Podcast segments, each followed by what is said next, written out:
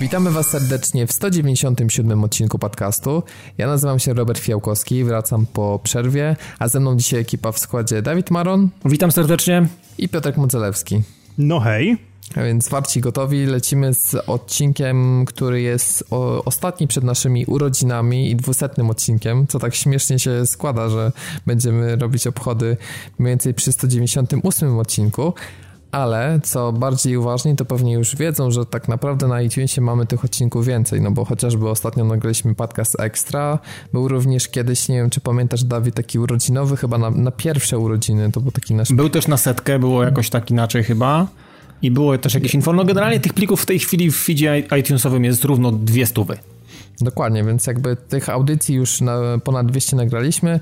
E, zresztą prawda jest też taka, że gdybyśmy e, wszystkie odcinki w tym roku wypuszczali co tydzień, to akurat teraz wypadłby dwusetny, ale no i, ta, i tak te 200 jest, także to najważniejsze, a, a nikt nam na pewno nie odbierze prawa do świętowania czwartych urodzin. No, proste, no. Innej lepszej okazji już po prostu nie będzie, dlaczego, dlatego tak to wypadło, jak wypadło. A powiedz, nie, no lepsza Dawid, będzie okazja, bo będą jeszcze piąte urodziny, ale to zaraz. no tak. Ale Dawid, nie wiem, czy dobrze pamiętam, czy właśnie 29 maja 2012 to nie był ten, ta data, data pierwszego podcastu? Tak mogło, mogło tak czy, być. Czy to... też ma data pierwszego materiału wideo na YouTubie, który był tam jeszcze o Battlefieldzie, bo, bo tam było przed podcastem, zdaje się. Tak, tam był jakiś pewnie wstępniak, ale faktycznie to wszystko się kręciło w, w okolicy końcówki maja, może w połowie gdzieś jakiś materiał, a pierwszy podcast taki 15-minutowy powstał też jakoś właśnie mniej więcej w tym okresie jak dziś, no, jakoś na przełomie może tych dwóch miesięcy, nie pamiętam. Dokładnie, ale, ale o tym będziemy więcej mówić e, w przyszłym tygodniu. Zresztą e, zobaczymy jeszcze, jak to z tym podcastem wyjdzie, bo jesteśmy na Pixel Heaven, jesteśmy na wydarzeniu i jeszcze raz Was gorąco zapraszamy. E, na naszym fanpage'u możecie znaleźć odnośnik właśnie do tego wydarzenia. E, myślę, że podłączymy się pod Pixel Heaven i właśnie tam na miejscu będziemy chcieli e, zrobić obchody e, te, te, wspomniane czwartych urodzin i 200 odcinka. No i chcieliśmy Was zaprosić, żebyście razem z nami też spotkali się, pogadali, żebyśmy mogli też mieć z wami kontakt, bo to ostatecznie chyba największa, war największa wartość przez, te, przez ten okres to jest to zajebista społeczność, która która się utworzyła i która y, tak nas ciągnie do przodu i, i, cały czas motywuje do tego, żeby siadać co tydzień przed mikrofonem. Więc myślę, że to jest fajna myślę, że okazja. Myślę, że, myślę, że będzie fajnie. 3 do 5 y, czerwca Pixel Heaven. Dokładnie. Tam właśnie będziemy. Więcej informacji też możecie znaleźć wpisując chociażby na Pixel Heaven, zdaje się, że com teraz ta strona jest, także... No to, to pro, problem żaden chyba znaleźć dzisiaj. No, wystarczy wpisać Pixel Heaven Dokładnie. I, i kliknąć. E, to teraz różności społeczności, tak płynnie. Więc jeśli chodzi, tylko jeszcze zamknę o podcast, Pewnie napiszemy na Facebooku ostatecznie, czyli na Twitterze, jak to nam wyjdzie z odcinkiem. Teraz nam trudno jeszcze tydzień przed powiedzieć. Być może uda nam się nagrać na miejscu jakiś taki specjalny odcinek, być może Telefonami albo czymś. Wszystko, wszystko e, okaże się w praniu. E, tymczasem różności społeczności. Ja tak się odniosę do odcinka, w którym nie brałem udziału i jest jeden news, który strasznie żałowałem, że nie byłem w stanie go przedstawić. Mianowicie chodzi Robert, właśnie... to trzeba było, wiesz, trzeba było nagrać, nam wysłać. Bez ale ja właśnie, bo... ja właśnie w stosunku do ciebie ten news, mimo że i tak mieliśmy gówno do powiedzenia, ale tak właśnie z myślą o tobie, nawet tak powiedziałem. No, ale widzisz, no pewnie dla, dlatego, bo tam słuchacze się pytali, dlaczego powiedzieliście e, o tym newsie, no to teraz Dawid wszystko wyjaśnił. Natomiast o co chodzi? Ja bardzo cieszę się, że, że Syberia 3 powstaje i, i będzie wreszcie na tych konsolach nowej generacji, dlatego, że jestem ogromnym fanem tych pierwszych dwóch części i to jest jedna w ogóle z najważniejszych gier ciężko powiedzieć, czy to dzieciństwa jeszcze, no bo, no ale w sumie to takie jeszcze podstawówkowe chyba czasy, jak pierwsza część ogrywałem, ale y, przygodówka, która y, miała w sobie ten taki element tajemniczości i przygody, który który w tym ostatnim Uncharted też mi się tak ujawnił i mi się z tą grą w ogóle skojarzył, więc mm, to są takie bardzo fajne przeżycia, kiedy motywuje cię ta tajemnica, rozwikłanie historii i ta motywacja głównej bohaterki staje się jednocześnie też e, twoją motywacją gracza i to jest jedna z lepszych rekomendacji, jaką można dać przygodówce. Tym bardziej, że jest to też bardzo taka klasyczna przygodówka point and click, ale te niektóre zagadki były bardzo takie niestandardowe i na dzisiejsze czasy myślę, że gracze mogliby mieć w wielu miejscach problem, żeby pchnąć fabułę. No i e, niestety jedyne, o czego mi będzie szkoda, to że gra przechodzi w pełne 3D, dlatego że oprawa dwóch pierwszych części broni się po dziś dzień ze względu na to, że tła były ręcznie rysowane przez Benoita Sokala, czy ben, nie, on tak się nie wymawia, pewnie Benoit Soka, czy coś takiego, Sokal, mhm. e, który ręcznie rysował, następnie były po prostu postacie 3D na to nanoszone, więc, więc to się e, bardzo dobrze broniło, teraz już będzie to pełne 3D, ale myślę, że to co najważniejsze to fabuła. No, zobaczymy, czy studio sobie też poradzi z warstwą techniczną, bo myślę, że gdyby gra chrupała, wyglądała fatalnie technicznie, nie wiem, były problemy z framerate'em, no to strasznie by to w oczy kuło, więc mam tutaj nadzieję, że wybitnie doświadczony deweloper to nie jest, ale że sobie jednak poradzi z tytułem. No ja też mam. Mam nadzieję, że będzie szansa przede wszystkim, wiesz, podejść do tego, jak, jak nigdy, nie? No. Nie było wcześniej jedynki, dwójki w ogóle nie, nie ma opcji, bo ja widziałem chyba, że jest opcja na konsolach, żeby w to zagrać. Nie wiem, czy na PS3 nie było jakiegoś tam e, takiego, wiesz, remastera czy coś. Czy nie widziałeś kiedyś na Xboxie, żeby... No powiem ci, znaczy musiałbym poszukać, bo możliwe, że taka jakaś opcja istnieje, ale nie interesowałem się tak szczerze powiedziawszy tym. A jeszcze w różnościach społecznościach e, Jacek Kaleta na Facebooku. Pozdrawiam wszystkich słuchaczy, proszę przeczytajcie to. No to masz załatwione to. Załatwione. Jacek taki papież Kaleta, internetu wprawdzie, ale... Papież polskiego gamingu, pozdrawia wszystkich, więc... I to jest jedyny, jedyna, jedyna osoba, którą znam, która udostępnia na, swojej, na swoim Facebooku wszystkie podcasty growe. On no, kocha wszystko. No dokładnie, ale też, też udostępnia podcast, za co bardzo dziękujemy. No tak, oczywiście. I tworzy podcast. W ogóle jest człowiek, człowiek orkiestra, no. Tyle o Jacku można powiedzieć. Tyle o Jacku, dokładnie. Zacznę w takim razie bez płynnego przejścia, bo nie chcę tutaj tak bardzo mocno naginać, tym bardziej, że temat jest y, niestety smutny i niespecjalnie nastrajający pozytywnie. Mianowicie No Man's Sky. Gra, która ma tak nieskończony kosmos, jak datę premiery, można powiedzieć, która się po prostu w czasie oddala. Musiałeś, i... co? O, no, musiałem, musiałem, bo wiesz co, za każdym razem przeżywamy to samo i kurczę, strasznie mnie jedna rzecz irytuje, bo pamiętasz Piotrek i w sumie Dawid też, no dyskutowaliśmy już o tej grze wielokrotnie, podejrzewam, że gdybyśmy mieli wpisać w wyszukiwarce No Man's Sky i rzeczywiście tam wszędzie umieszczaliśmy informację, że jest ten news, no to kilkanaście podcastów pewnie by już wyszło. E, za każdym razem jak się hypujemy jakimiś nowymi informacjami, to po jakimś czasie znowu słyszymy datę premiery, że jest przesunięta, hype opada, potem znowu wychodzi coś nowego, znowu się hypujemy i znowu jest przesunięcie daty premiery. I ostatnio był już taki znowu mega wysyp tych informacji, pojawił się dużo gameplay, był e, twórca opowiadał na IGN jakie są rzeczywiście inne rzeczy gameplayowe i znowu z Piotrkiem chyba załapaliśmy mm, pod jarkę i hype, no i okazuje się, że nie zagramy w przyszłym miesiącu, tylko zagramy dopiero dopiero w sierpniu, więc... To znaczy wie, w sierpniu aż? To nie jest, to nie jest lipiec? Sierpień, sierpień. O Jezu Chryste, ja myślałem, że to tylko na lipiec przesunęli i chciałem tutaj bronić, że może nie jest wcale tak źle, ale w takim wypadku to 2 na 10. znaczy, powiem, że ja... Z... 10 sierpnia dopiero pojawi się dokładnie. Ja z tej gry się już wyleczyłem dawno temu. Oczywiście obserwuję ją, jestem ciekawy, jak to w ogóle odbierze świat i jak odbiorą, odbiorą to krytycy, jak odbiorą to gracze, bo to jest na pewno taki tytuł, który no, zapisuje się takimi już, już, mimo że go nie ma, to już zapisał się w jakiś sposób jakimś tam, wiecie, wyraźnym, e, wyraźnymi literami w, e, w historii gier wideo. Natomiast absolutnie w tej chwili jestem zimny jak lech. Znaczy mi hype opada no po prostu, no bo co tu dużo mówić. Jak już, e, wiesz, nastawiam się, że Y, trzeba w czerwcu, wiesz, naprawdę zawiesić wszystkie gry i polecić ten kosmos, to nagle się okazuje, że y, gra trafia w okolice y, premiery Deus Exa, który może być No Man's Sky, super, hiper i tak dalej, ale no w moim osobistym rankingu, no sorry, niestety, ale tu Deus Ex zdecydowanie stoi wyżej, ja najbardziej na niego czekam, więc 23 sierpnia podejrzewam, że no mm, kupię Deus Exa czy No Man's Sky na premierę, to zobaczę, bo jestem już trochę co, zmęczony tymi ciągłymi to, przesunięciami. To, to, też dobrze, gdybyś kupił Deus Exa z tego względu, że no ja kupię No Man's Sky, ty Deus Exa będzie więcej gier do omawiania. No, no wiecie co, w sumie, w tak. sumie to, to w sumie dobra jest informacja dla ludzi, którzy grają w Elita, no bo tak jak gadaliśmy przed nagraniem chwilę, że pojawia się ten dodatek e, z możliwością lądowania i strzelania się na planetach e, w Elite Dangerous, więc e, też jakoś na początku czerwca wychodzi, więc nie będzie zgrzytu przynajmniej w co grać, nie? Więc jak ktoś się nacieszy tym, tym dodatkiem do Elita, to wtedy no wiadomo, że w takich grach czas płynie bardzo, bardzo powoli, trzeba tego dużo, dużo czasu, żeby tam cokolwiek zobaczyć i pewnie cokolwiek Mm, ugrać swoje, więc myślę, że do sierpnia przy elicie niektórzy hardkorowcy mogą spokojnie tam, wiecie, posiedzieć, nie? Ale bardzo mnie zastanawia, czy grywalność No Man's Sky na premierze będzie wystarczająca, czy znowu się okaże, że nie wiem, gra działa w 20 klatkach i w trakcie mm, opracowania jest patch, który naprawi wszystkie problemy i nie wiem, trzeba będzie poczekać 2-3 miesiące, aż, aż ta gra będzie grywalna po prostu i tego się obawiam bardzo mocno właśnie a propos No Man's Sky'a.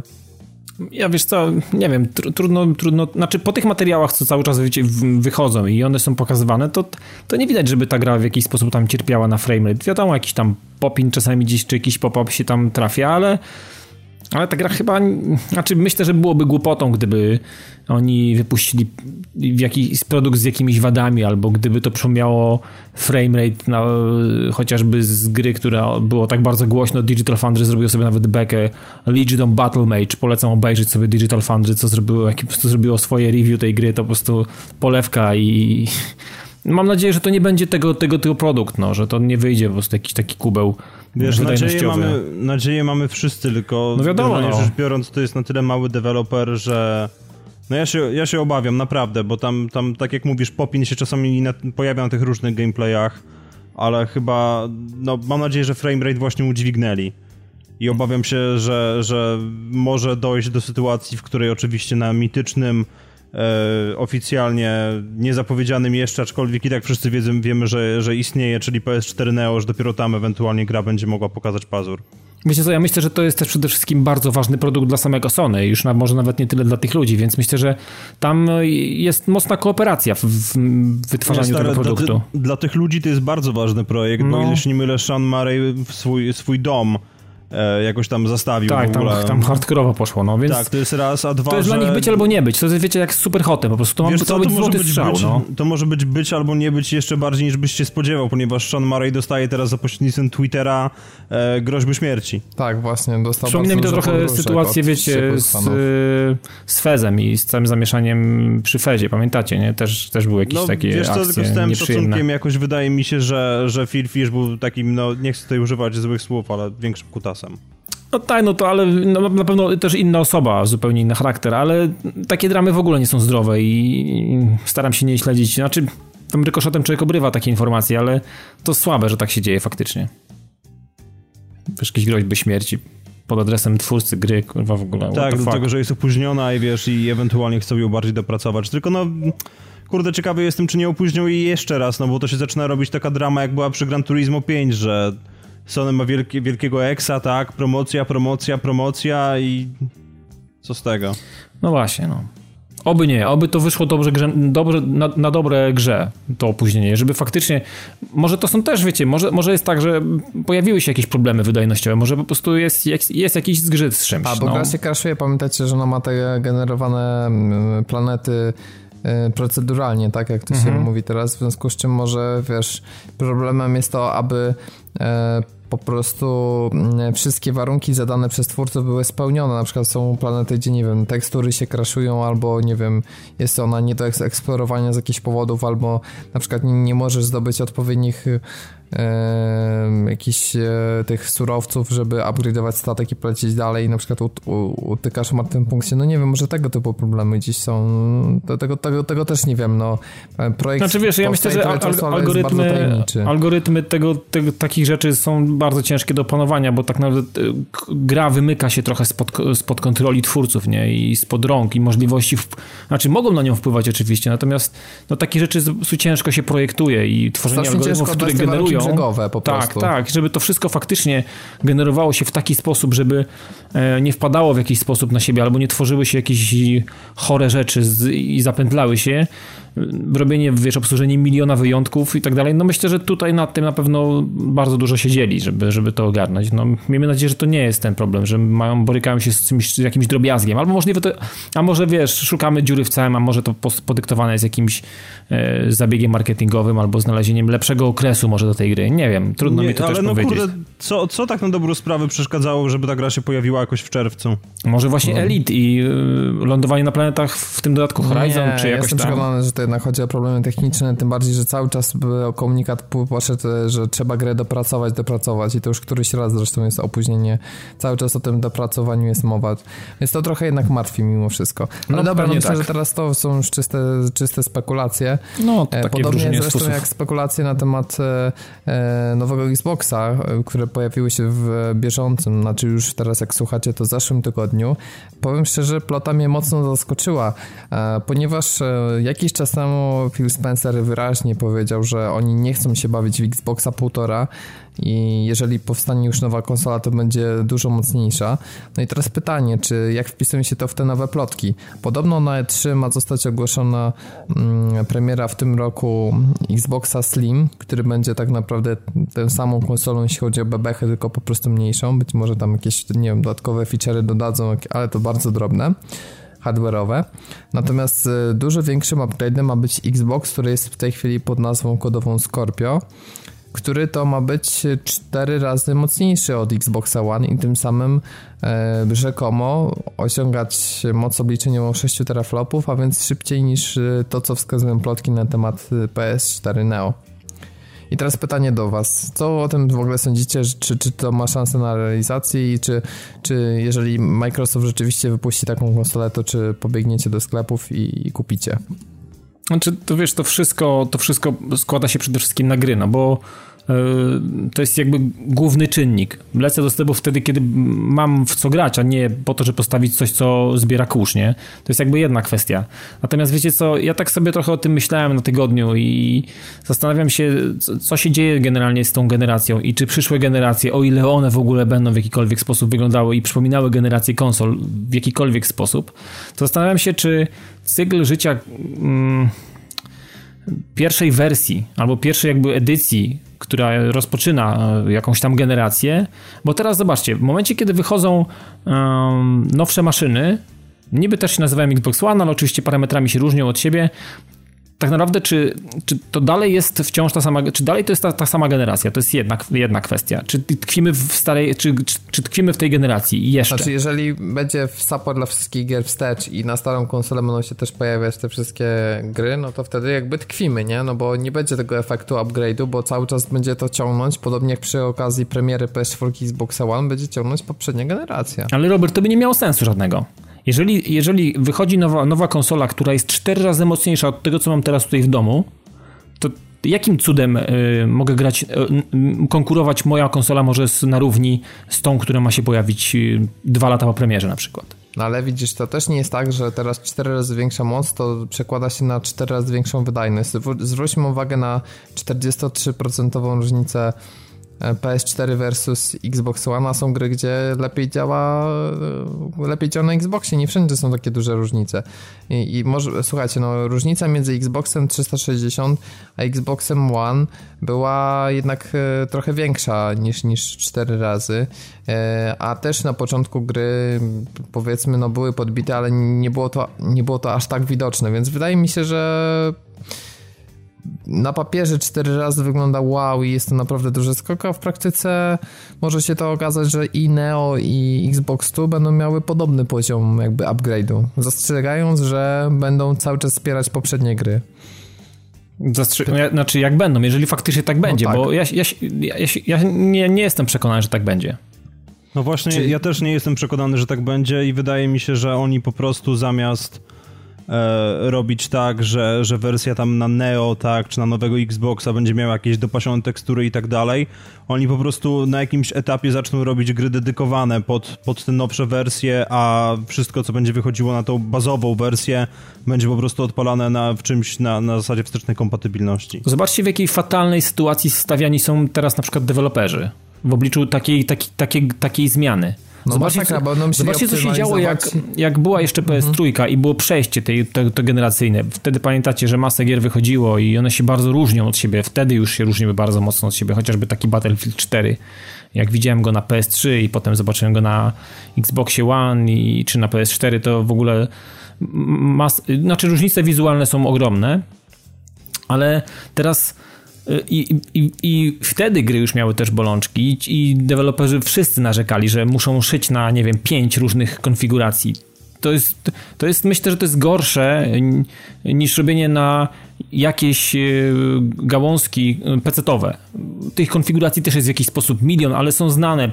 Wiecie, tu jest jeszcze e, sterownik grafiki, który w jakiś, w jakiś sposób można optymalizować i tak dalej, więc to jakoś w jakiś sposób już to mają okiełznane, wiedzą jak to robić. Natomiast teraz wyobraźcie sobie, że jest kurwa, sześć różnych, w danej generacji sześć różnych konfiguracji tej samej konsoli. No, kurwa, tak, to jest owszem, kosmos. Można nie, ale że nie, Microsoft nie, nie zgodzę się. Nie, nie a... zgodzę się z tego prozaicznego mhm. względu, że w momencie, kiedy mieliśmy przeskok, tak, PS3, PS4, mieliśmy do czynienia z kompletną zmianą architektury, natomiast oni teraz nie mogą sobie po prostu pozwolić, żaden, żaden z nich nie może sobie pozwolić na to, Chociaż nie, Nintendo w sumie chyba, chyba sobie właśnie pozwoliło. No właśnie. E, oni się nikogo nie pytają, ale, nie? No tak, ale Nintendo to, to wiadomo, to oni stoją gdzieś z boku. W każdym razie wydaje mi się, że ani Sony, ani Microsoft nie będą teraz w stanie, nie będą na tyle głupi, żeby budować coś, co nie będzie oparte o x86 i w związku z tym to naprawdę będzie bardzo łatwo się skalowało. No być może, ale zobacz jednak, że o ile Microsoft może wykorzystać y, te swoje uniwersalne aplikacje do tego, żeby lepsze było skalowanie między PC-tem, Xboxem 360, y, znaczy przepraszam, Xboxem One, a tym jeszcze nowszym, Scorpio, o tyle Sony tutaj PS4, PS4 Neo to nie jest powiedziane, że będzie to na tyle na tyle prosty i, i, przyjemny przeskok, a nie trzeba będzie jednak rzeczywiście wykonać tej poczwórnej optymalizacji. Bo zwróć uwagę, że owszem, to nie będzie różnica a taka jak... poczwórnej? No, no, że PC, PS4, w sumie PS4 Neo, Xbox to nawet więcej, Xbox One i, I Xbox, Xbox ma być, no, no, tak, czy nawet, no i tak, dwie konfiguracje. No, Wiecie co, nie wiem, no. I generalnie jestem, ja generalnie jestem roz, zrozpaczony tym, co się dzieje. Tak naprawdę świat konsol, jaki się pamięta, jaki się, jaki się zna, i jaki się jak, on się skończył. Teraz, właśnie on na tych, na tych targach na się tych skończy. E3. Tak, no. on się skończy. Świat, który konsolowy, który znamy, znamy do dziś jeszcze, można tak powiedzieć, plus minus, on się kończy tak naprawdę. I Będziemy mieli że Sony ostatnio pudełka... powiedziało o 40 milionach egzemplarzy sprzedanych, słuchajcie, nie? A to, to, taki niesamowity mogliby iść po prostu na absolutne rekordy. Oni Ale tak, nie wiem, to chyba Piotrek powiedział, Sony nie potrafi wygrywać. To jest kolejny przykład tego, że... To znaczy, wiesz co, z jednej strony tak, ale z drugiej, no. z drugiej strony e, problem kurde polega na tym, że nowe konsole, czy może inaczej, konsole, które obecnie mamy w domach, no. więc PS4, nie, nie, nie, mi chodzi o PS4 i Xbox mhm. One, o te, o te, które są w tej chwili dostępne, one od samego początku generacji cierpią na niedobór mocy obliczeniowej. I podejrzewam, I na słabe że... procesory jeszcze. No tak, słabe procesory, ale wiesz, no generalnie rzecz biorąc, kurde, to, to, to, to nie są jakieś zabójcze konfiguracje, bo to, co wiesz, co, co tam w środku siedzi, to no, na nikim specjalnie wrażenia nie wywiera.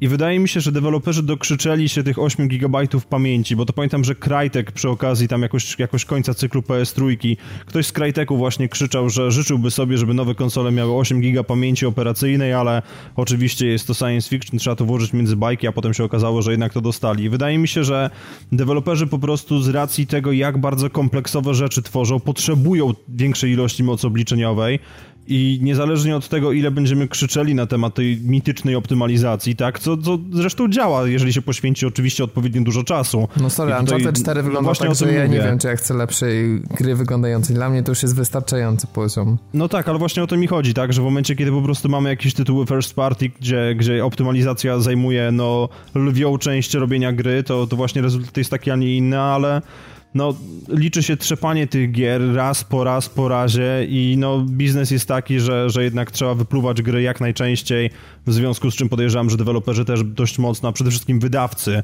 naciskają na to, żeby mocy było więcej, nie trzeba było poświęcać Bóg wie ile czasu właśnie na optymalizowanie tego. I wydaje mi się, że po prostu poprzedni, poprzedni cykl konsol był, był strasznie długi, on był sztucznie jeszcze wydłużony tym Kinectem i ty, ty, tymi innymi badziewiami od Sony, Move'em, I wydaje mi się, że po prostu branża może teraz chce troszkę się odbić, w związku z czym będziemy mieli po prostu no, nową generację, tak, teraz, to tak jak mówimy o tym Xboxie, to ma być 2017 rok, no to z drugiej strony, kurde, te konsole już będą na rynku 4 lata.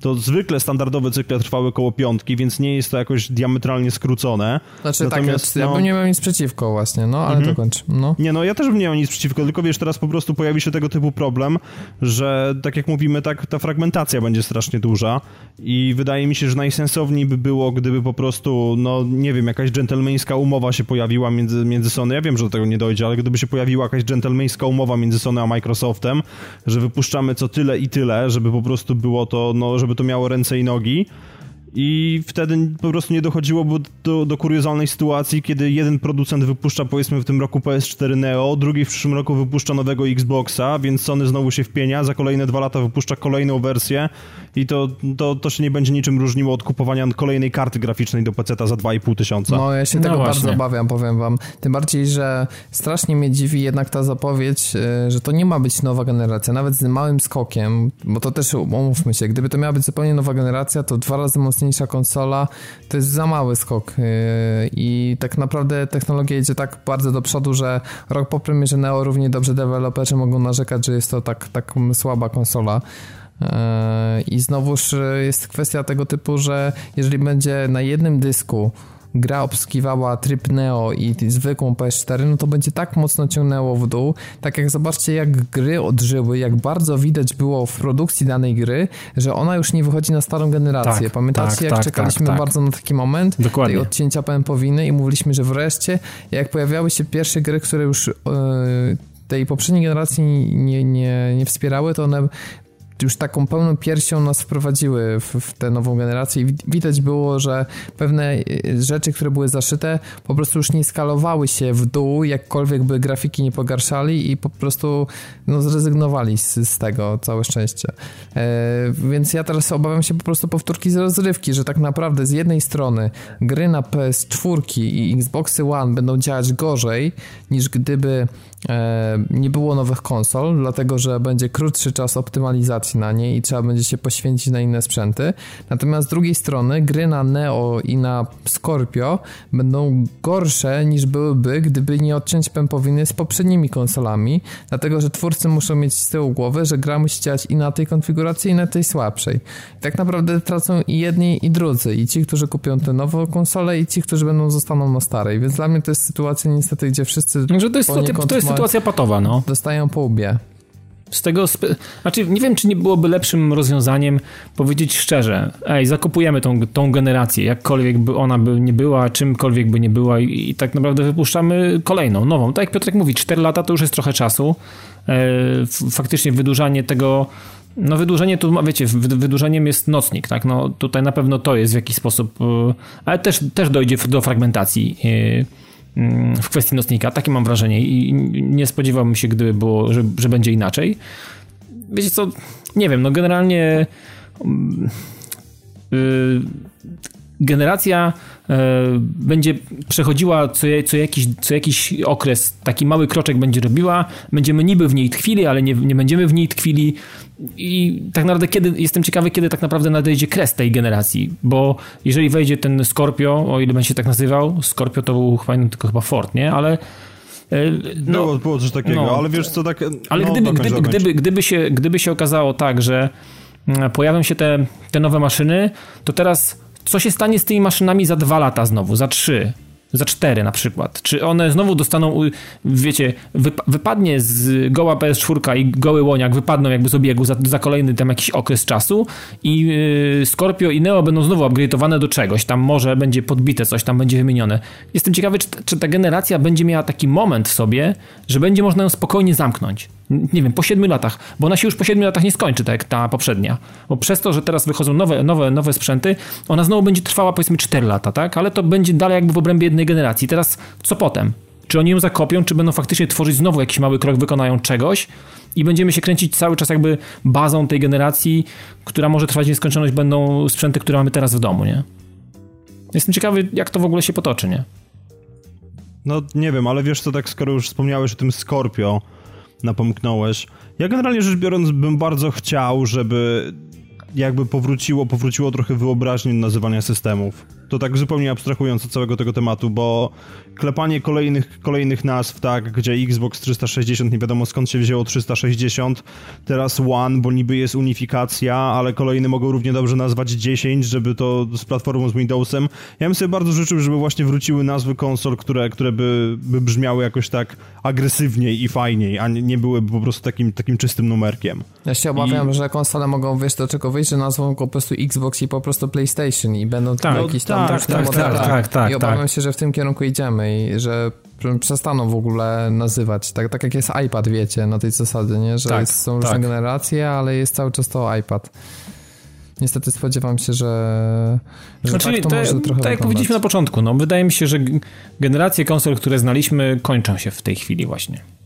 Ale słuchajcie, niezłe jaja będą, jeżeli okaże się, że Microsoft jakby wypuszcza następcę Xboxa rzeczywiście i dla nich traktuje to jako nową generację, a PS4 będzie miało Neo, które jest tylko takim dodatkiem do PS4 i cały czas będzie wspierać starą konsolę. Więc ja na przykład też napisałem o tym na grupie, że ja na przykład mi by się spodobało, gdyby to Xbox był mocniejszy niż PlayStation 4 Neo i nagle został tym królem multiplatform, ponieważ ja bym wtedy mocno się zastanowił nad zakupem tego nowego, mocniejszego Xboxa, a tymczasem i tak mógłbym ogrywać gry na PS4, no bo by wychodziło jakby na starszą i na nowszą, więc też problem ekipy znajomych czy coś nie, nie byłoby z tym problemu, więc ym, bardziej by się tak samo opłacało, na przykład jak Dawid ma Xboxa One. Myślę, że w, ciekawiej byłoby na przykład kupić PS4 Neo niż znowu inwestować w Xboxa, no. który być może byłby tylko trochę lepszy od tego, co ma. A tak to, jednak to przeskakujesz na inną platformę i, i masz wtedy, wiesz, nowszy model jakby i starszy, nie? W zależności od tego, którą konsolę kupić jako pierwszą. Mhm. Ja na przykład przykład zastanawiam się, czy, czy będzie w ogóle sens kupować PS4 i PS4 Neo i tego nowego Xboxa, jak się ma starego. No może to nie mieć po prostu może nie mieć specjalnie sensu. uzasadnienia. Może tak być. No to, to, to, to, to pokażą gry. gry. Tak, to pokażą gry, dokładnie. E, spodziewacie się, tak kończąc temat e, zapowiedzi tego wszystkiego na E3, bo ja słyszałem nowe plotki o tym, że PS4 Neo ma być przerzucone na Paryż na w ogóle na październik, czy na listopad, a Microsoft być może na razie tylko zapowie Slima na E3. Jak spodziewacie się w ogóle, że na pewno będzie to PS4 Neo, bo to nie jest takie pewne. E, ja, znaczy, my, my, ja myślę, że pierdną czymś na pewno. Może, może to, może tak jak mówisz, może nie będzie to nic grubego, że dopiero może na jesieni i tak dalej. To też w jakiś sposób ludzi, oni też nie są idiotami, oni też będą przygotowywać specjalnie w jakiś sposób grunt. To nie może być tak, że wiesz, w tak krótkim czasie, słuchajcie, tu nowa konsola, jeb, dzidy prosto, in your face, kupujcie sprzęcior. Oni muszą to, wiesz co, to trzeba delikatnie postępować w, w kwestii takich ogłoszeń i myślę, że oni coś tam powiedzą, ale to wiesz, na zasadzie przygotowania jakiegoś gruntu i potem jeździdy w Paryżu, czy tam, gdzie będzie ten cały, cały ten event ich y, na, na jesieni. Myślę, że podobnie będzie z Microsoftem, że nie wystrzelą z jakiejś petardy, to nie będzie jakaś bomba, ale ale będziemy wiedzieli, no dowiemy się pewnie czegoś po prostu. Ale jeżeli powiedzą Xbox tu i dadzą 2017, to w tym momencie zaciągają hamulec ręczny dla sprzedaży Xboxa One i to samo też, zrobi Sony, też, jeżeli też. opowie o Neo. Też. Ale wiesz co, czy, czy zaciągają hamulec ręczny? No Xbox One trzeba powiedzieć, że nie sprzedaje się jakoś fenomenalnie, więc może Microsoft nie ma aż tak dużo do stracenia w tym kontekście. Na pewno nie. W ogóle cała ta zmiana, ja uważam, że jeżeli ktoś może tu zyskać, to Microsoft, który będzie miał jakby drugie rozdanie i w tym momencie jakby większość wkurzonych z tej akcji jednak będzie posiadacze PS4, tak, który słyszeliśmy ponad 40 milionów ludzi. Jeżeli Sony tego dobrze nie rozegra, to będzie wkurzonych po prostu na to, że ma sprzęt, który no, się za chwilę, lada moment zdezaktualizuje. Wiesz co, ale z drugiej strony nie wiem, czy jak duża grupa osób jest takimi typowymi power userami, którym rzeczywiście na tym będzie zależało. Bo wydaje mi się, że 40 milionów PS4 jest, no, spora część z tych 40 milionów trafiła do domu jakichś Januszy, którzy kupili konsolę swoim Brianom, czy, czy coś w tym stylu. I, I, i albo Kevinom. Tak, dokładnie. I wiesz, i po prostu oni będą mieli to gdzieś, więc no nie, nie wiem, czy rzeczywiście Sony tutaj, czy, czy, czy Microsoft stracą z drugiej strony aż tak dużo. No ja mimo wszystko spodziewam się, że mogą trochę stracić i... Znaczy, bo wiesz, ja pamiętam jak było z Nintendo i jak, jak Wii wyhamowało po tym jak Wii U zostało e, pokazane, a jednak e, Wii było też konsolą, która trafiała nie tylko do Power Reserve. Wbrew pozorom dzisiaj konsole mają dużo większy moim zdaniem e, taki mm, są bardziej wokalne w mediach i czytają nawet ludzie, zresztą ja też byłem w szoku, że osoby, które tam grają na PlayStation, ale totalnie nie są takimi hardkorowymi graczami, tylko raczej typowe definicje casuali, nie czytają w ogóle portali o grach, E, a wszyscy o PS4 Neo wiedzieli o tym, że na jesień ma powstać jakieś, jakieś, jakaś nowa wersja, więc to wbrew pozorom myślę, wydaje, że, że w dzisiejszych czasach konsumenci są bardziej świadomi, bo, bo media mainstreamowe podejmują ten temat i wydaje mi się, że jednak to może mieć spory wpływ na sprzedaż. Jeżeli to będzie na E3 faktycznie media mainstreamowe mediami mainstreamowymi mi się jeszcze też wydaje, że nie do końca możemy porównać sytuację E, PS4, Xbox One kontra Neo i, i, i Scorpio, tak? Z tego prozaicznego względu, że no wydaje mi się, że rynek był nasycony Wii i po prostu Nintendo się wstrzeliło w taki, a nie inny moment i no generalnie rzecz biorąc to nie do końca można jakby obarczać Wii U e, winą za zmniejszenie się sprzedaży Wii, bo po prostu kto miał kupić do tego momentu Wii to już to zrobił i jakby Wii U no to już, już żyło swoim własnym życiem. No, chociaż co to za życie, można powiedzieć. No, My, zobaczymy jak będzie z Enixem. Zobaczymy też jak będzie z GT Sport. E, powracamy do tego tematu, bo w zeszłym tygodniu nie mogłem się odnieść do tego, co powiedział Piotrek. Zapewne większość e, pozytywnych ochów i jachów. E, niestety ja tutaj muszę mocno dorzucić e, oliwy do ognia. Muszę niestety wrzucić e, bardzo nieprzyjemną informację, która wypłynęła w ostatnich dniach.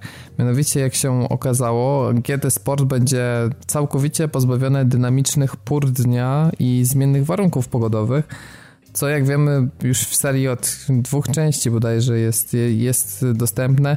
Jest dla mnie tym bardziej e, zaskakujące, że twórca gry jest aktywnym kierowcą wyścigowym, właśnie specjalizującym się głównie w wyścigach 24-godzinnych i gdzie grę firmuje swoim nazwiskiem i następnie taki feature poświęca, tłumacząc, że przecież gra musi działać w Full HD 60 klatkach, no sorry, ale tak jak pamiętam z Piotkiem strasznie to krytykowaliśmy przy Fordzie 6, że w takiej, tej generacji nie przystoi, żeby nie było tych dynamicznych warunków, bo już na starej się pojawiały wyścigi z tym y, zaimplementowanym e, featurem, natomiast no, myślę, że niestety teraz musi się oberywać GT Sport za tak kolosalny brak, bo to jest, y, no bo nie wiem, no fani wyścigów to zrozumieją, znaczy to rozumieją, a natomiast niektórzy mogą mm, niespecjalnie czuć, o co jest cała drama.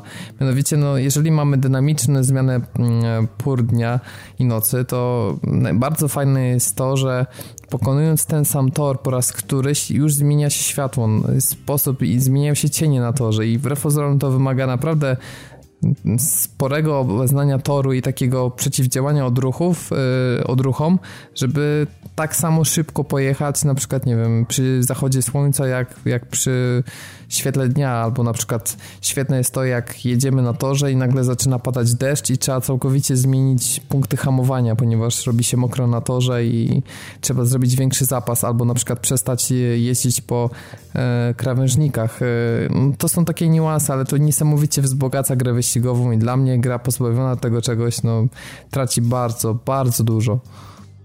Ja ostatnio w szufladzie w pracy, i to, to wbrew pozorom jest powiązane, znalazłem naklejkę Karny Kutas. Ja bardzo chętnie bym pojechał do Japonii, nakleił ją na telefony digital, naprawdę. Dobre, bo, dobre. Bo to jest, no, no nie rozumiem, co, co nimi kierowało. Znaczy, okej, okay, tak, można się wypierać, że to kwestia tam 1080p i 60 klatek, ale no kurde, nie można pozbawić gry, która w poprzednich dwóch swoich iteracjach miała coś takiego, to, to nie można jakby kolejnej wersji wydawanej na nową, na nową konsolę teoretycznie, tak, która jest x razy mocniejsza. No przepraszam, ale cholera jasna, po prostu nie można się tego pozbyć, tym bardziej, że e, no Drive Club to ma i wygląda to naprawdę zajebiście.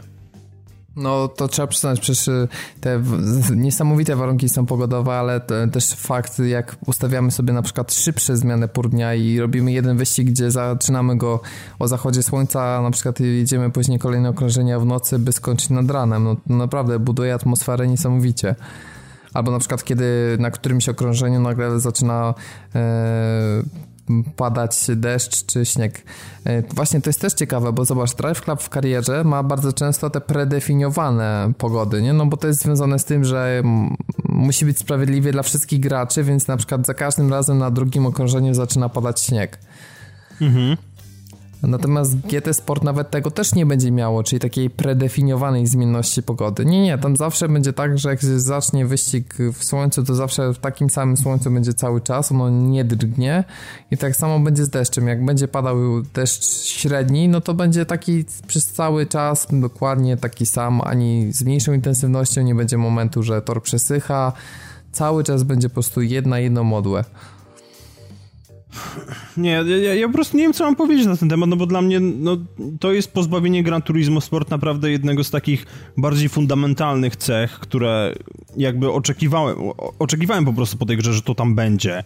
I w momencie, kiedy ty mi zrzuciłeś tą bombę jakoś w środku tygodnia na Facebooku, no to mnie aż zamurowało. No, mnie no też, bo... no bo to wyszło w ogóle na jakimś wywiadzie tłumaczonym z japońskiego, który użytkownicy na forum GT Planet postanowili przetłumaczyć. To był sam wywiad z Yamauchim i no... Pff, co tu dużo mówić, no w, w, niestety jest to wiarygodne źródło i było to potwierdzone w dwóch, trzech wypowiedziach dla różnych mediów, więc myślę, że to, to jest już pewne. Ja niestety spodziewam się, że GT7 magicznie te funkcje wprowadzi i zawsze będzie powiedziane, że sport to był taki spin-off nastawiony bardziej na rywalizację, a żeby było równo w rywalizacji, to, to zmienne warunki pogodowe nie są potrzebne i właśnie dlatego w tej funkcji nie było, a teraz ją magicznie dodajemy i będzie na okładce e, samochód w deszczu w GT7. No. Tak, w nocy. No, najlepiej jeszcze. Tak, nie, tak... no, albo, albo po prostu wykręcą nam numery i tak jak chyba ktoś, ktoś powiedział, że się tego boi, że dojdzie do sytuacji, że po prostu te feature'y będą w grze na Neo, co po prostu by, by absolutnie przeczyło tym założeniom, które teoretycznie Sony ogłaszało jako jako te, które mają, prawda, kierować tym całym procesem Neo, ale... No tak, ale zawsze mogą powiedzieć, że deszcz jest tu i tu, tylko że tu jest zmienny, a tutaj jest statyczny, nie? Nie wiem, nie wiem, nie podoba mi się to w każdym razie, bardzo mi się to nie podoba i... Dla no, mnie to jest no buy, w sensie takim, no bo słuchajcie, gra kosztuje ostatecznie e, 250 zł, ale jak fajnie ktoś na Neogafie podsumował, że nagle po kilku latach, po czterech latach zdaje się, tak, od poprzedniej części, czy niecałych czterech dostajemy... Znaczy no 2013 rok, bo zresztą dla mnie też było głupotą. GT6 się pojawiło na PS3 po premierze PS4, to po prostu był, był debilizm, no przepraszam. No, no to, tak, to no był niezły sprzedaż no. była 10 razy mniejsza przez to. No bo nie liczyli, że nie będzie takiego efektu tej nowej generacji, no ale się przeliczyli, że jednak niestety, no generalnie zainteresowanie było bardzo duże. W ogóle dla mnie paranoją jest to, że PS4 do dzisiaj nie ma, nie ma solidnej ścigały i że w ogóle nie ma GT na, na nowej generacji, na tej obecnej. To jest znaczy ogóle... solidność ścigały może ma, no bo, myślę, że GT, znaczy Project Cars jednak można nazwać w miarę solidną. Nie, no okej, okay, okej, okay, ale Jest wiesz. Traily, jest Drive Club i zapasem Assetto Corsa, więc ja, ja w ogóle tu uważam, że Assetto Corsa to jest największe w ogóle zbawienie dla fanów gier, gier wyścigowych i myślę, że ta gra naprawdę zmiażdży to, to, co GT pokazuje, jeżeli tam się nie powiem. Przecież ja nie wiem, czy Gran Turismo miał laserowane, znaczy skanowanie laserowe E, wszystkich torów. No tutaj Assetto Corsa naprawdę weszło w taki poziom, że tam każda nierówność na Nürburgringu jest jeden do jeden odzorowana w grze, więc ja myślę, że jest się tu czym jarać. A może Piotrek, y, czas sobie powiedzieć, y, że GT już nie jest taką legendą po prostu, że to już, to już ta, ta marka już nie wyznacza standardów, ta marka, ta marka już może nie dyktuje tego tempa i tego wszystkiego, co jest w grach wyścigowych istotne. Zobacz faktycznie to, co powiedział Robert, no. Wydaje mi się, że kult Forcy i GT trzeba schować gdzieś w pizdu, daleko do piwnicy, znaczy, bo wiesz, to, to, się nie, już nie, nie, dzieje, bo to się już nie dzieje. nie, nie zgodzę się do końca, no bo jakby Forza cały czas jakieś przeskoki robi. Znaczy Forza miała bardzo średnią część piątą, ale teraz odbiła się w części szóstej, chociaż dalej trzeba powiedzieć, że brak tych warunków pogodowych no jest też spory. Ale nie panowie, ja mówię o tym, że to nie są już tylko jedyne wyścigi, które no, wyznaczają jakiś standard i jakiś y, kierunek. Tak naprawdę dookoła dzieją się fantastyczne rzeczy, no inne też. No, ja myślę, że bardzo chciałbym, żeby gracze to zauważali, bo Dirt Rally przecież rewelacyjnie wyszedł. Project Cars może, może nie był aż taką rewelacją, ale jednak też ma swoje oddane grono fanów. A Assetto Corsa naprawdę, no... A ja Assetto Corsa może ściąć łeb, no. Ja słyszę od fanów wyścigów, że to jest gra niesamowita, no ale na przykład właśnie widzę, że Piotr tak niespecjalnie się tym tytułem, nie wiem właśnie z jakiego powodu tak No właśnie, przyznaj się na antenie. Co ci, co, ci, co ci tam nie leży w? Bo ja się akurat nie znam, ale jestem ciekawy, dlaczego tak jesteś właśnie tak na nie. Wiesz co, ja po prostu nigdy jakoś specjalnie się tym... Ja mam po prostu w głowie ustawione, że, że moją jakby docelo... moim docelowym konsolowym symulatorem jest Gran Turismo i ewentualnie Forza. I, ale może, i, to, mówię, ale to może to czas, żeby nam... schować to właśnie No już. dobra, okej, okay, tylko wiesz, no do tej pory jakby nie bardzo miałem szansy, żeby to nawet sprawdzić, więc mhm. no poczekamy, zobaczymy. Generalnie rzecz biorąc mi się wydaje, że ten, ten, ten GT Sport to po prostu będzie coś na zasadzie prologa. Ja prologa miałem na ten GT5 prolog, czy jakkolwiek to się nazywało. Prologa miałem na PS3 i to jest jedyna część Gran Turismo w moim życiu, którą sprzedałem bo nie, nie, nie było większego sensu trzymać ją na półce i w obliczu tej informacji, że nie będzie tych zmiennych warunków pogodowych, ja się naprawdę bardzo poważnie zastanawiam nad GT Sport, no bo no, kurde, fajnie, że nowe Gran Turismo, na które czekaliśmy tyle czasu, ale no nie róbmy tutaj pierdolnika i niech to ma ręce i nogi. No to 3 lata po GT6 dostajemy grę bez trybu kariery, z jedną trzecią e, ilości aut premium w stosunku do GT6, bez e, prawdopodobnie starych samochodów i klasyków, bo nic takiego nie zostało nam w ogóle pokazane, bez dynamicznej pogody i bez cyklu dnia i nocy. Także nic tylko podziękować Polyphony. Blockbuster. Po prostu. No, ja, ja się zgadzam z tym, co Dawid powiedział, że dla mnie to już czas, żeby oficjalnie przyznać, że GT nie wyznacza standardów, jest serią, która rozwija się bardzo powolnie, która ma za rzadko wychodzi w ogóle kolejne odsłony, która ma jeszcze wiele takich rzeczy jak, e, jak modele standard, na przykład teraz te modele super premium obawiam się, że niestety, ale zwiastują to, że e, przy ewentualnym GT7 pojawią się jeszcze na pewno modele premium przeniesione z poprzedniej generacji i one będą też odstawać. Tu niestety spodziewam się wielu jeszcze takich archaizmów, które GT cały czas ciągnie i no nie jest specjalnie innowacyjny. Więc cieszy mnie bardzo, że powstaje więcej gier wyścigowych i jest konkurencja, tylko chciałbym, mówię, żeby gracze jeszcze zauważali, bo uważam, że takie fiksowanie się na to, że cały czas tylko gramy w Forza albo w GT, w zależności od platformy, jest niedobre dla branży, bo zabija trochę konkurencję. Ja czekam Ale właśnie, wiesz co, żeby... generalnie rzecz biorąc to jest zabawne, że mówimy o Gran Turismo, że wychodzi zbyt rzadko, a z drugiej strony mamy Force, która jakiś czas temu mówiliśmy, że wychodzi zbyt często. Czy ja bo... wiem, czy Forza wychodzi zbyt często? Uważam, Ale że... wiesz co, nie, bo, bo problem polega na tym z Forzą, że generalnie rzecz biorąc oni co rok coś muszą wypluć, tak jakby się zafiksowali. Bo, znaczy, bo może albo... trochę przesada, ale jest Horizon, ale ja nie liczę jakby... Ja teraz bardziej myślałem jednak o Forzie Forzie, nie myślałem o, o tym, że dodaję do tej puli Horizona. No okej, okay, w porządku.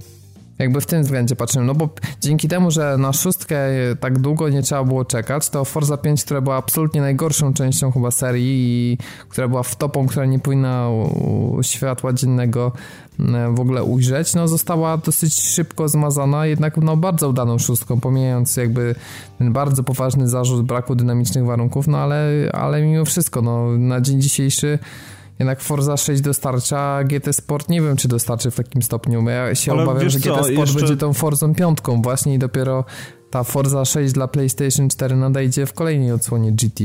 On będzie Forzą piątką, ale zakrojonym garażem. Natomiast ja mam jeszcze takie jedno, bo, bo nie mam Xboxa One, tak, więc siłą rzeczy przy piątce i przy szóstce nie spędziłem dużo czasu. Tyle, co tam ewentualnie u kogoś. Natomiast problem dla mnie też polega na tym, że Forza 6 nie pokazała niczego jakiegoś takiego, czego nie można byłoby zrobić e, w Forzie 5 za pomocą patcha wielkiego. No to jest prawda, no bo tych różnic, jeśli chodzi na przykład o grafikę, no są bardzo niewielkie, tylko tak naprawdę, wiesz, naprawiła wszystkie błędy, nie? E, poprzednika. Dodała oczywiście nowe samochody, więcej tras. Tak, wykroili, czy, czy bardziej ukryli mikrotransakcje, dokładnie. No tak, no, no myślę, że masz rację, jak najbardziej. Tylko, że problem jest tym, że w, na PlayStation 4 nie ma nawet co spaczować, jeśli chodzi o Gran Turismo. No póki co jeszcze nie, poza tym podejrzewam, że podejrzewam, że przy, przy 136 samochodach, tam 7, które będą w GT Sport, ten patch, no tak celowo około, około 50 giga więc to, to, to by nie było fajne. Ja pamiętam, jak kiedyś ściągaliśmy jeszcze u Tomka Doktorskiego wszystkie patche do Gran Turismo, chyba 5, tak? Bo tam e, ta gra jakieś miała kosmiczne ilości po prostu tych, tych aktualizacji, bo przecież było coś takiego jak GT 5.2.0, które tam naprawdę odświeżyło grę. Było, było, no, GT 5.2.0 kompletnie przebudowało model jazdy, więc ja, ja byłem wtedy zachwycony i no... Jakie intro robili, jakie trailery wtedy, przecież do dzisiaj pamiętam ten trailer, on był tak rewelacyjnie zrobiony, jeden z najlepszych w ogóle trailerów gry wyścigowej ever. Oni się jakoś wtedy bardziej starali. Teraz mam nadzieję, mam wrażenie, że mają w graczy trochę wylane i bardzo mi się to nie podoba, bo e, właśnie dla mnie to, co zrobili twórcy Drive Club, to takie było odniesienie się do wsparcia, które kiedyś dawało fanom Gran Turismo, a teraz czy tak będzie? No mam niestety trochę obawy, że bardziej ich jara logo FIA i wsparcie e-sportu niż, niż tutaj gracze, którzy przynoszą im pieniądz na robienie serii. No i niestety obawiam się, że możesz mieć rację. Amen. No, tyle jeśli chodzi o tematy nasze dzisiejsze. Przejdźmy sobie do gier. Dzisiaj Dawid sponsoruje ten, tę tak. sekcję podcastu. Nie, jedną sponsoruje Techland, a drugą Artifex Mundi. No, gry powered by David Maron. tak, tak, tak. E, I pierwszym tytułem naszym dzisiejszym jest Grim Legends The Forsaken Bride. To jest właśnie hopa od Artifexu. Kolejna hopa na Xboxie One. E, z tego, co mi się wydaje, czwarta. Teraz jeszcze przypomnij, co to są hopy. Ja jak mantrę to powtarzam, bo dlatego, że ludzie, którzy słuchają, mogą akurat trafić na ten podcast i nie słuchać poprzednich o hopach i... Mogą. To jest... W, w e, dwóch, dwóch zdaniach. E, Hidden Object Puzzle Adventure, czyli taka mm, point and click z oczu. Wiesz, taka przygodówka point gdzie chodzimy po jakiś trochę, no. trochę jak taki staroszkolny RPG, posuwamy się, przesuwamy się po różnych lokalizacjach, po różnych komnatach i mamy różnego rodzaju aktywności, czasem jakieś przerywniki e, filmowe, czasem zdarzy się jakaś łamigłówka do rozwiązania, a czasem są właśnie te ukryte obiekty, czyli po prostu jak to niektórzy mówią u mnie na streamach, że szukanie chuja w śmietniku, czyli po prostu jeden wielki bałagan na ekranie i po prostu szukamy te rzeczy, które gra chce, żebyśmy znaleźli, ale bez klikania na pałę, bo gra nas za to karze i, i, i no, nie opłaca się tego robić, przynajmniej na poziomie ekspert, który w, takich, w, tych, w tych grach Artifexu, zresztą we wszystkich grach e, hopa, jakie grałem, bo grałem ich myślę, że kilkadziesiąt w swoim życiu, różnych, różnistych, bo kiedyś bardzo dużo w to grałem, szczególnie na PC one są popularne. Mm, ten tryb ekspert, który powoduje, że mamy mniej, mniej podpowiedzi, gra na mapie nie pokazuje nam aktywności, które mamy do danej lokalizacji do wykonania i musimy po prostu trochę taki tryb dla hardkorów, jak to kiedyś było w point and clickach, więc no tak y, w skrócie można powiedzieć, że tym się charakteryzuje hopa. I powiem wam, że to jest hopa, która jest y, czuć, że świeżość, że świeżość w tej hopie. To są, bo wcześniejsze e, części były takim trochę, mm, wiecie, no, wydaje mi się, że Artifex trochę przecierał szlaki, jeżeli chodzi o e, wejście na konsolę, więc e, wykorzystywali gry, które już mieli w swoim, w swoim portfolio i po prostu nakładali na to ten cały układ sterowania, który jest fantastyczny zresztą i to mówiłem od samego początku, nakładali na gry, które mieli, troszeczkę pewnie tam to po, musieli do, dopracować do standardów, które panują na konsoli i wypuszczali rzeczy, które mm, mm, już były leciwe. Mm, szczególnie ostatni Enigmatis, który był grą, no jest grą, którą jest już widać, że to jest gra stara. Ale to, co jest e, w Forsaken Bride, widać, że mm, to, są, to jest gra świeża bardzo. To jest, to, to, oczywiście to nie jest premiera. Ta gra już na, na PC i na iPadzie, ona już tam funkcjonuje.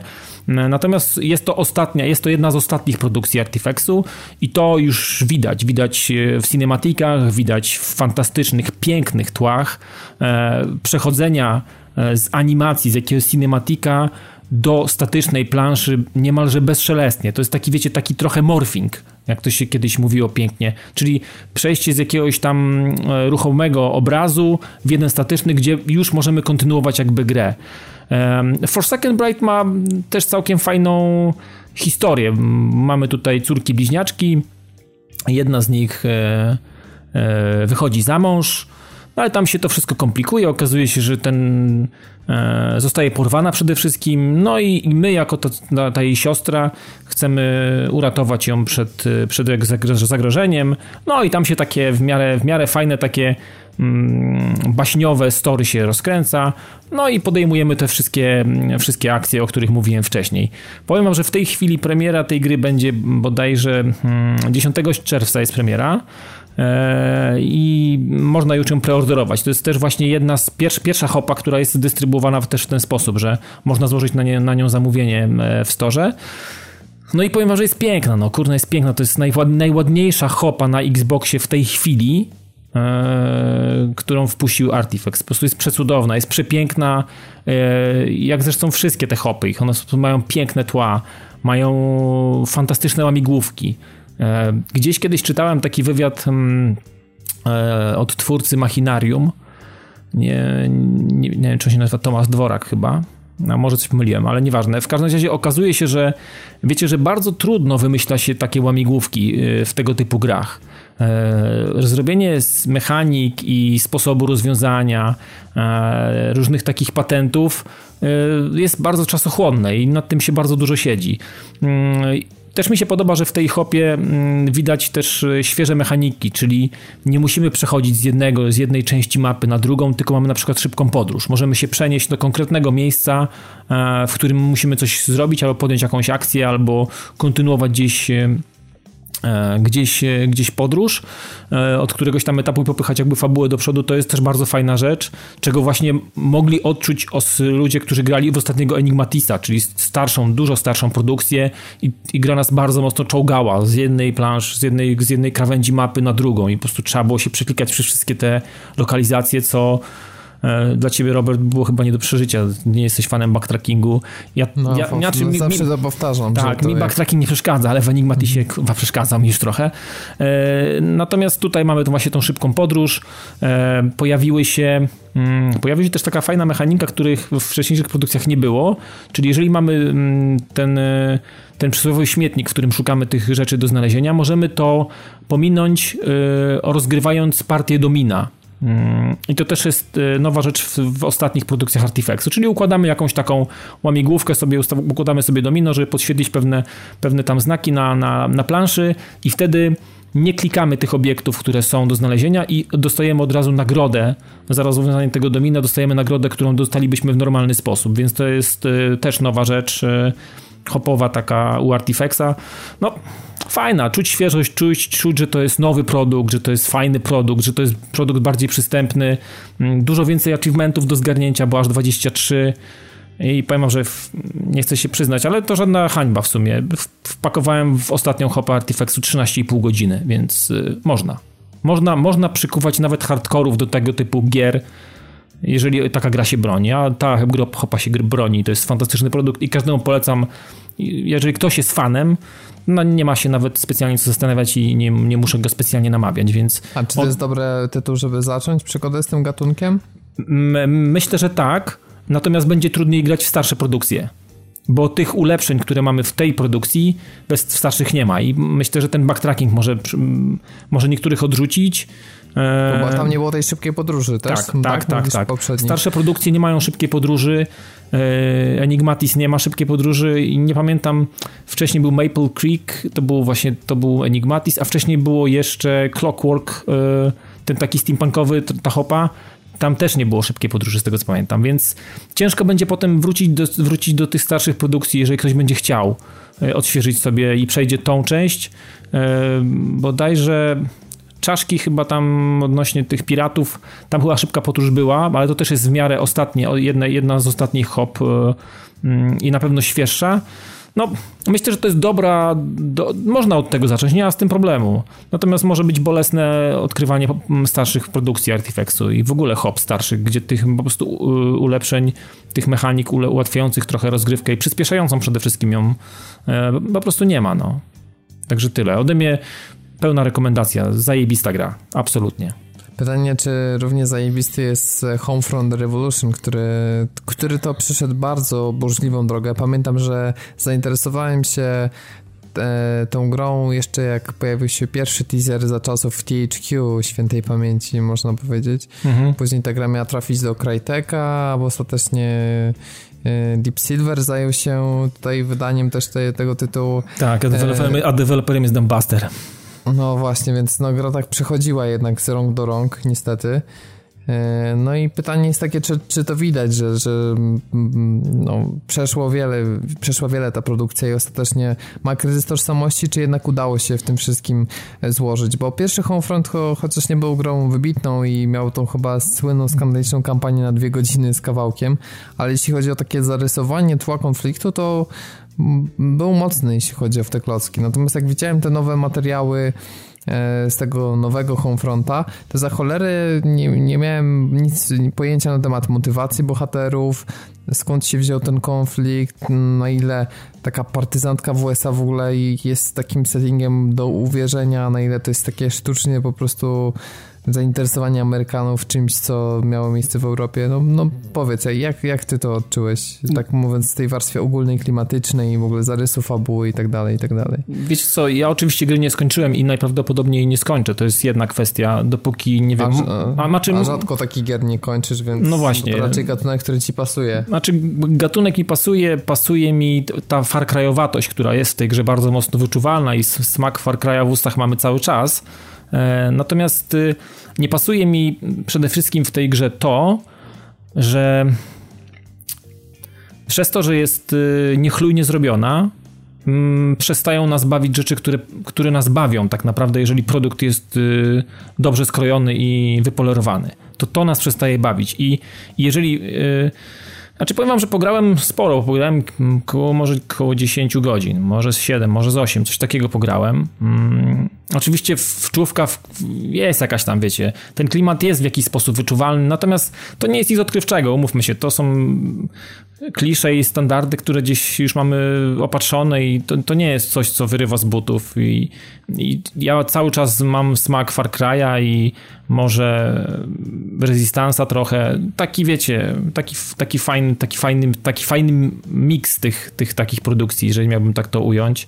E, nawet kustomizacja broni, kółko wyboru, trochę craftingu, wiecie, wytwarzanie koktajli Mołotowa, no, no po prostu jakbyśmy patrzyli na rzeczy, które są nam znane z Far Cry'a przede wszystkim. To jest podstawa, jakby na, na bazie tego trochę, trochę budowali, dzięki czemu łatwo i łatwiej nam wejść w tą produkcję i bardzo szybko czujemy Ale są się... wieże i jakieś takie odkrywanie mapy? Ogólnie jest taki mm. Ubisoftowy tryb, czy znaczy jest, jak wygląda? Jest, jest inaczej. Nie ma takiego standardu, że odkrywamy coś, ale troszeczkę można by to podpiąć. Mamy tak, że mamy, mamy mamy dużą mapę, która jest dla nas nieaktywna, mm, żeby udać się gdziekolwiek. Biegamy w takich jakby trochę za mały, no, trochę przypomina to bardziej, wiecie co, schemat gry z Dishonored. Mamy duże, otwarte lokalizacje, możemy coś z nich zrobić, natomiast jak wyczyścimy, zrobimy ostatnią misję, odpala nam się kolejna i przechodzimy do następnej, ale dzięki temu jest loading, to nie jest sandbox taki typowy.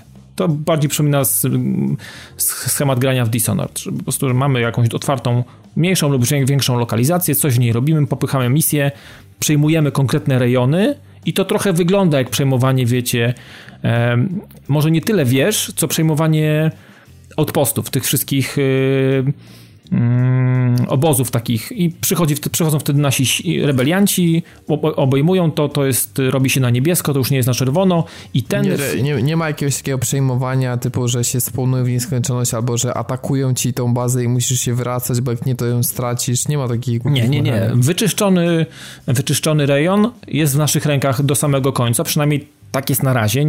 Może potem w kwestii, wiecie story i całego tego będą się działy jakieś inne rzeczy. Natomiast jeżeli faktycznie przejmiemy jakiś rejon, podświetla nam się na niebiesko i w obrębie tego rejonu podświetlają nam się też znajdźki, których na przykład nie widzieliśmy. Czyli jakieś, wiecie, skrzynia rebeliantów, z której możemy czerpać zapasy w nieskończony sposób i, i robić sobie z tego różne rzeczy, apteczki, zbierać amunicję, no takie tam różne drobiazgi.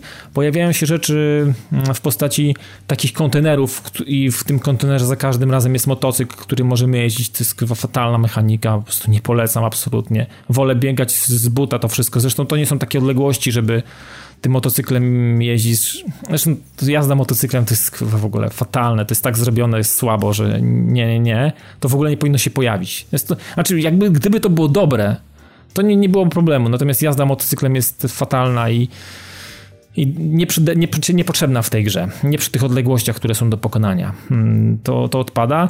Natomiast, yy, wiecie co, no tych mechanik takich, które są znane jest sporo, one, one sprawiają dużo frajdy, strzelanie jest takie sobie, ten odrzut broni jest taki trochę plastikowaty, no nie za bardzo to wszystko e, to wszystko działa, ale wiecie co, początek gry jeszcze miałem ok, bo mm, trafiamy do takiej strefy, którą, do strefy czerwonej i tam generalnie mm, e, nie jest tak jak w części żółtej, do której trafiłem jakby później Bo w żółtej części mamy coś takiego, że świat żyje. Są cywile, e, są patrole, e, tych chinoli i tak dalej, oni tam sobie chodzą i patrolują, trzeba uważać, nie chodzić z bronią przy nich, więc mamy taki trochę, wiecie, trochę nam się ta gra trochę otwiera, robi się taki trochę sandbox mm, i możemy mm, funkcjonować e, w tym trochę świecie razem z tymi cywilami i z tymi rzeczami, które się tam po prostu dzieją. Pojawiają się jakieś aktywności, czasami ktoś gdzieś nam sprzedaje na bazarze i tak dalej, ale w strefie czerwonej było na początku tak, że tam nikogo nie było. Tam byli tylko źli, e, opanowali, mieli, mieli opanowany ten teren i byli tylko mm, ci rebelianci w tej części. I to było całkiem ciekawe to było całkiem ciekawe, bo y, była, była, była konkretna rzecz do zrobienia zawsze w, w, w tej strefie. Wybijaliśmy konkretną ekipę, przejmowaliśmy rejon. E, oprócz tego mieliśmy do zrobienia jeszcze jakieś misje, które gdzieś tam ktoś nam zlecił za pieniądze, bo tutaj ta waluta jest dosyć ważna. Bez tych, bez tych pieniędzy E, praktycznie nie możemy zrobić niczego, nie możemy upgrade'ować broni, kupować ulepszeń, nie wiem, chociażby jakichś nakolanników, butów lepszych i tak dalej, więc trochę tego jest do kupienia. I co jest fajne, nie jesteśmy tak bardzo obrzydliwie bogaci, nie jesteśmy obrzydliwie bogaci jak w Far Cry'u szybko. Ciężko, ciężko się dochapać jakichś pieniędzy sensownych. Musimy się naprawdę zastanawiać, zanim cokolwiek kupimy, bo, e, bo, bo tutaj pieniądz no, nie trzyma się kieszeni tak za bardzo. Mm, oprócz tego dostajemy takie punkty, ty, takie punkty za wykonanie pewnych zleceń i one też są jakąś, jakąś formą waluty i możemy pewne rzeczy za nie, za nie odblokowywać. E, więc to jest jakby druga, druga, druga waluta. E, I wiecie, to ta strefa czerwona, jak sobie ją wyczyściłem, mówię, kurczę, nawet mi się to podoba, mimo że mm, technicznie to tam nie domaga mocno, sztuczna inteligencja jest słaba, tak naprawdę jej nie ma i ciężko tutaj spodziewać się jakichś fajnych, y, epickich walk i starć z większą grupą, nawet tak jak w Far Cry'u. Trzeba było naprawdę się nakombinować, dużo robić po cichu i tak dalej. Y, tutaj to tak naprawdę no, wyżynasz i już, no i zapominasz, nie idziesz dalej, więc tutaj nie zaskakuje cię wróg. Ale w momencie, kiedy trafiłem do strefy żółtej, czyli tej, która jest e, kontrolowana przez, e, przez Chinoli, E, zresztą w ogóle setting jest zajebisty. Oni mają zajebiste, wiecie, wdzianka i w ogóle to jest fajnie zrobione, to się fajnie obserwuje. W ogóle konflikt jest y, w, kwestii settingu jest bardzo fajnie skrojony. Widać, że ktoś miał pomysł na to. to jest, tylko wykonanie kulej. Tylko wykonanie jest słabe. Ale, ale, czy świat jest taki do uwierzenia? Czy to wszystko jest takie, że nie, nie te jest postaci do, nie niezależne jest stoją jak kołki i to wszystko jest taka, wiecie, teatralna strasznie wizja? I, to jest takie i... trochę, wiesz, sztuczne bardzo. Nie czuć, znaczy to, to, to nie jest realne, szczególnie, że po niebie cały czas jeszcze lata statek kosmiczny, który skanuje to i w ogóle jak wejdziesz wejdziesz w jego obszar skanowania, to nagle się z dupy pojawiają ludzie, nie wiadomo skąd, nie? Więc I to, to jest strasznie wkurzające. To jest mega słabe, chyba. to jest mega słabe, to jest najgorsza rzecz. I słuchajcie, trafiłem... To po co w sumie? Co to daje? Nie Tylko wiem, przeszkadza nie wiem.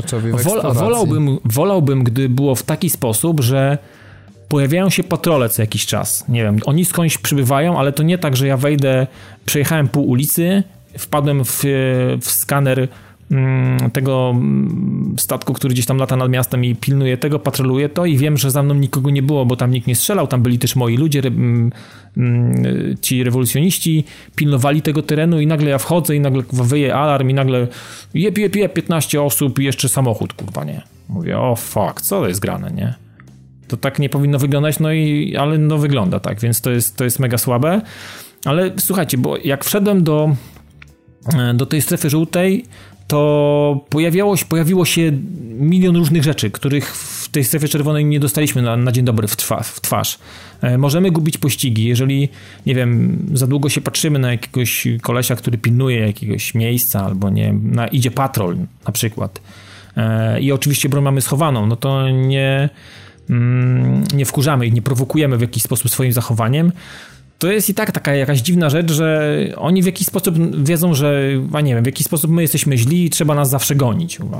I, i, I, mimo, że nie prowokujemy zachowań, nie biegamy jak idioci, rozmawiamy sobie, coś tam kupujemy, wykonujemy jakieś pomniejsze zadania takie w tej grze, to taki za każdym razem kontakt z tymi złymi kończy się jakimś pieprzonym pościgiem. Ja muszę gdzieś po, po śmietnikach się ciorać albo po tojtojach, żeby ich zgubić, nie? Albo, albo nie wiem, tak długo biegać, po różnych miejscach i aż oni w końcu odpuszczą i tak dalej. Więc to jest coś, co powoduje, że ja nie mogę w swoim tempie spokojnie wykonywać tych aktywności, które chciałbym wykonywać, które mi narzuca gra przez główny wątek fabularny, czy przez zadania, które wziąłem sobie od rewolucjonistów i chcę im pomóc, nie? Ciągle mnie wkurwiają, ciągle mnie ganiają, jak takiego psa.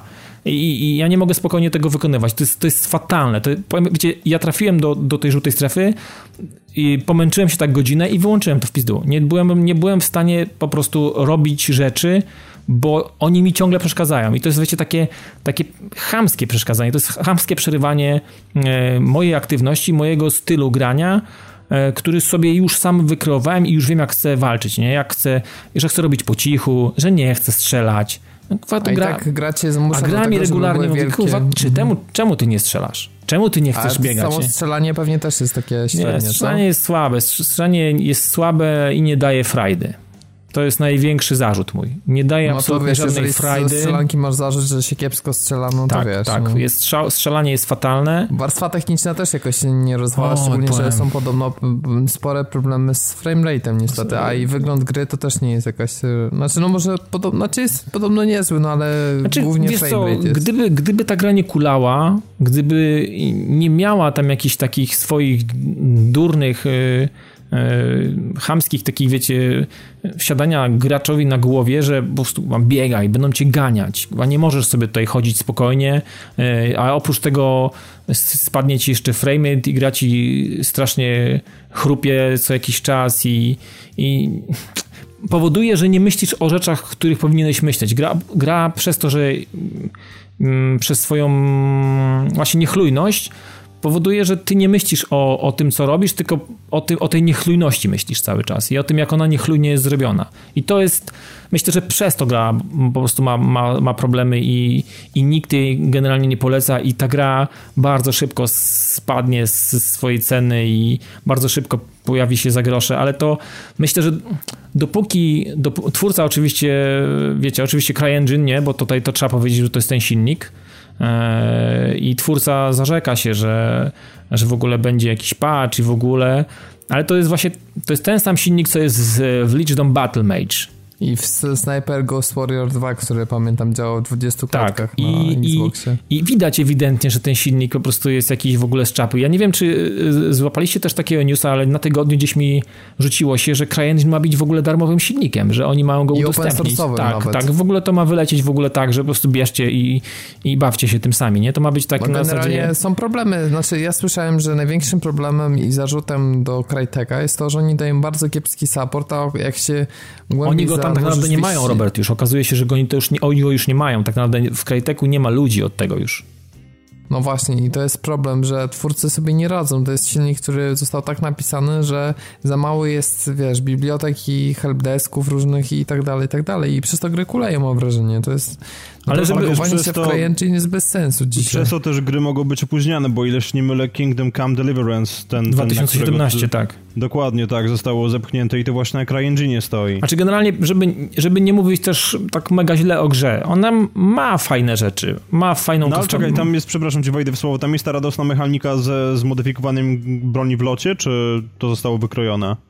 Znaczy jak w locie, że... No bo mi się coś kojarzy, że po prostu było tak jak w pierwszym Crysisie, tak, że postać po prostu podnosi jakby broń do góry i ty sobie tam słapujesz elementy. Tak, tak, to to jest, że po prostu masz ją tak na boku i widzisz ją Aha. i jeżeli masz wykupioną optykę, lufę, czy jakiś tam, wiecie, tłumik płomieni, czy jakieś tam inne rzeczy, to możesz sobie w danej chwili założyć, ale musisz je kupić. Czekaj, czekaj, czekaj, wow, wow, chwilę, tłumik płomieni powiedziałeś, grasz po polsku?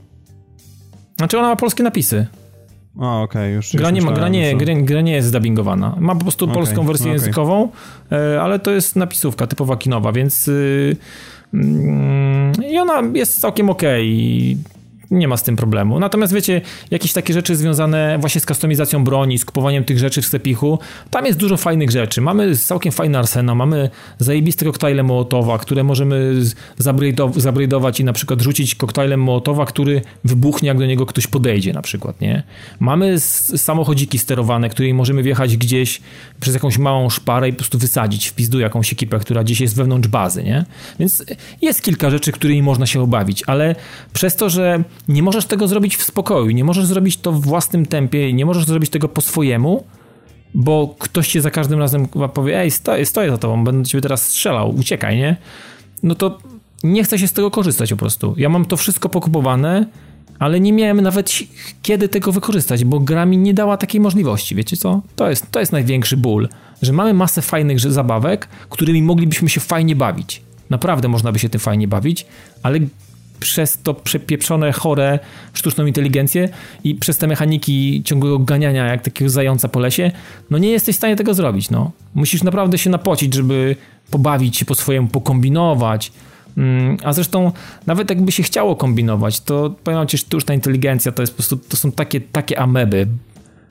Jesteś, znaczy zakładasz, że on coś zrobi, nie? Albo że powinien się tak zachować, bo jesteś już nauczony, gracie w dużo, gra się w dużo fajnych gier, wiemy jak się zachowuje sztuczna inteligencja, a nagle tu się cofasz, chyba to wiesz, do epoki kamienia opanego, nie? Totalne słupy, totalnie wiesz, jesteś zaskoczony tym, co oni robią, nie? Nie zakładasz tego w ogóle, że tak, że tak się może zachować, wiesz, sztuczna inteligencja, więc no nie fajnie się gra. No Ogólnie powiem tak. polecić, tak? No, no, nie polecam. Generalnie nie polecałbym i, i myślę, że patch nie zmieni Wiele dużo. Może. może zmieni kwestie wydajnościowe, może zmieni, że gra będzie fajniej, fajniej płynniej chodzić.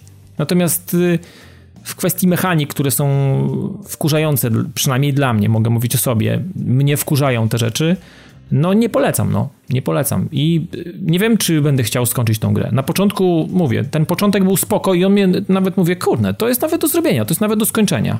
No, ale to, co się dzieje w strefie żółtej i myślę, że tak będzie dalej, nie mam ochoty absolutnie w to grać. Nie mam. No cóż, no to przykra rekomendacja, ale mówimy wam jak jest i Dokładnie. no co, nie ma co nie ma co szorować, nie ma co szorować. Jest szaro, buro i, i, i tak przeciętnie, Setting tak? się broni, setting jest fajny, to jest ciekawe, ciekawe pokazanie jakiegoś tam konfliktu, to można naprawdę było dobrze podać, pewne rzeczy dają radę, ale większość nie daje niestety. I... Na, pe na pewno e, da radę Wiedźmin Krew i Wino, ostatni dodatek i zakończenie sagi wiedźmińskiej. E, który po już fantastycznych recenzjach, no myślę, jest absolutnie do polecenia e, przez, e, dla fanów i nie tylko. To już 31 maja jest wersja cyfrowa, zarówno jak i ta wersja z kolejnymi kartami do Gwinta w wersji właśnie pudełkowej, limitowanej edycji. Jak również cyfrowo dostępna będzie kolejna część Hitmana. Tym razem Agent 47 trafia do Marrakeszu. To już trzeci epizod w ramach W ogóle kupiłeś to, Robert, czy nie? Nie, ja czekam jednak na pełną wersję. A, czyli wiesz? czekasz, jak wyjdzie full, komplet. Tak. I czekasz, aż będzie spaczowana. Tak, chociaż na szczęście w pełnej wersji jest ta opcja ustawienia 30 klatek i to sprawdza się, więc, więc gra jakby technicznie już jest ok, tylko no jednak wolę y, zagrać jak będzie wszystko niż tak się odrywać co jakiś czas i wracać. Dlatego, że ja, nie, znaczy ja lubię Hitmana, natomiast ja nie przechodziłem tej gry tak ultra hardkorowo jak niektórzy, czyli siedzenie 15 godzin w jednej misji i ogrania tego na wszystkie różne sposoby. Raczej zawsze starałem się po prostu przejść jeden, dwa razy takimi sposobami, jakimi lubię, a ludzie chcą sprawdzić wszystkich. No, dla mnie to jest takie no, trochę na siłę, więc ja wolę jednak sobie od czasu do czasu zagrać e, później, jak już będzie pełna wersja i w taki, takim tempem, jakim będę chciał i, i tyloma stylami, ile będzie mi się chciało, a nie, że po prostu teraz takie no jest epizod i albo się zagra pół godziny, albo jak chce się maksować, to trzeba po kilka godzin z nim spędzić, więc ja, ja na razie pasuję. Okej, okay. ja też pasuję. Za to nie pasuje, na, jeśli chodzi o wchodzenie na patv.pl, a raczej zachęcam was wszystkich. Musiał. E, a teraz też sporo się dzieje na Facebooku. Ostatnio w ogóle bardzo dużo na naszej grupie takich tam no, mega komentarzy. Na przykład jak wrzuciłem post o, o Neo i Scorpio, oczywiście chciałem wywołać dyskusję, ale w ciągu tam 12 godzin 77 komentarzy, więc no, temat temat y, na pewno taki gorący i w ogóle dużo dyskusji się ostatnio dzieje, więc was zapraszamy do dołączania. Jesteśmy także na Twitterze, Instagramie. E, śledźcie te nasze kanały, bo tam będziemy informować co z podcastem. Myślę, że przy okazji urodzin je też tam mocno wzmocnimy, jeśli chodzi o e, jakieś relacje, filmiki może krótkie. Myślę, że tutaj fajnie podziałamy w mediach społecznościowych. No i standardowo Retro Network oraz Radio GRM, to tam, gdzie również możecie znaleźć i przesłuchać nasze odcinki. Więc ja już się z wami żegnam, nazywam się Robert Fiałkowski, miło mi było poprowadzić ten 197 podcast, a ze mną dzisiaj był Piotrek Modzelewski. Dzięki wielkie za uwagę. I Dawid Maron. Dzięki bardzo i do usłyszenia.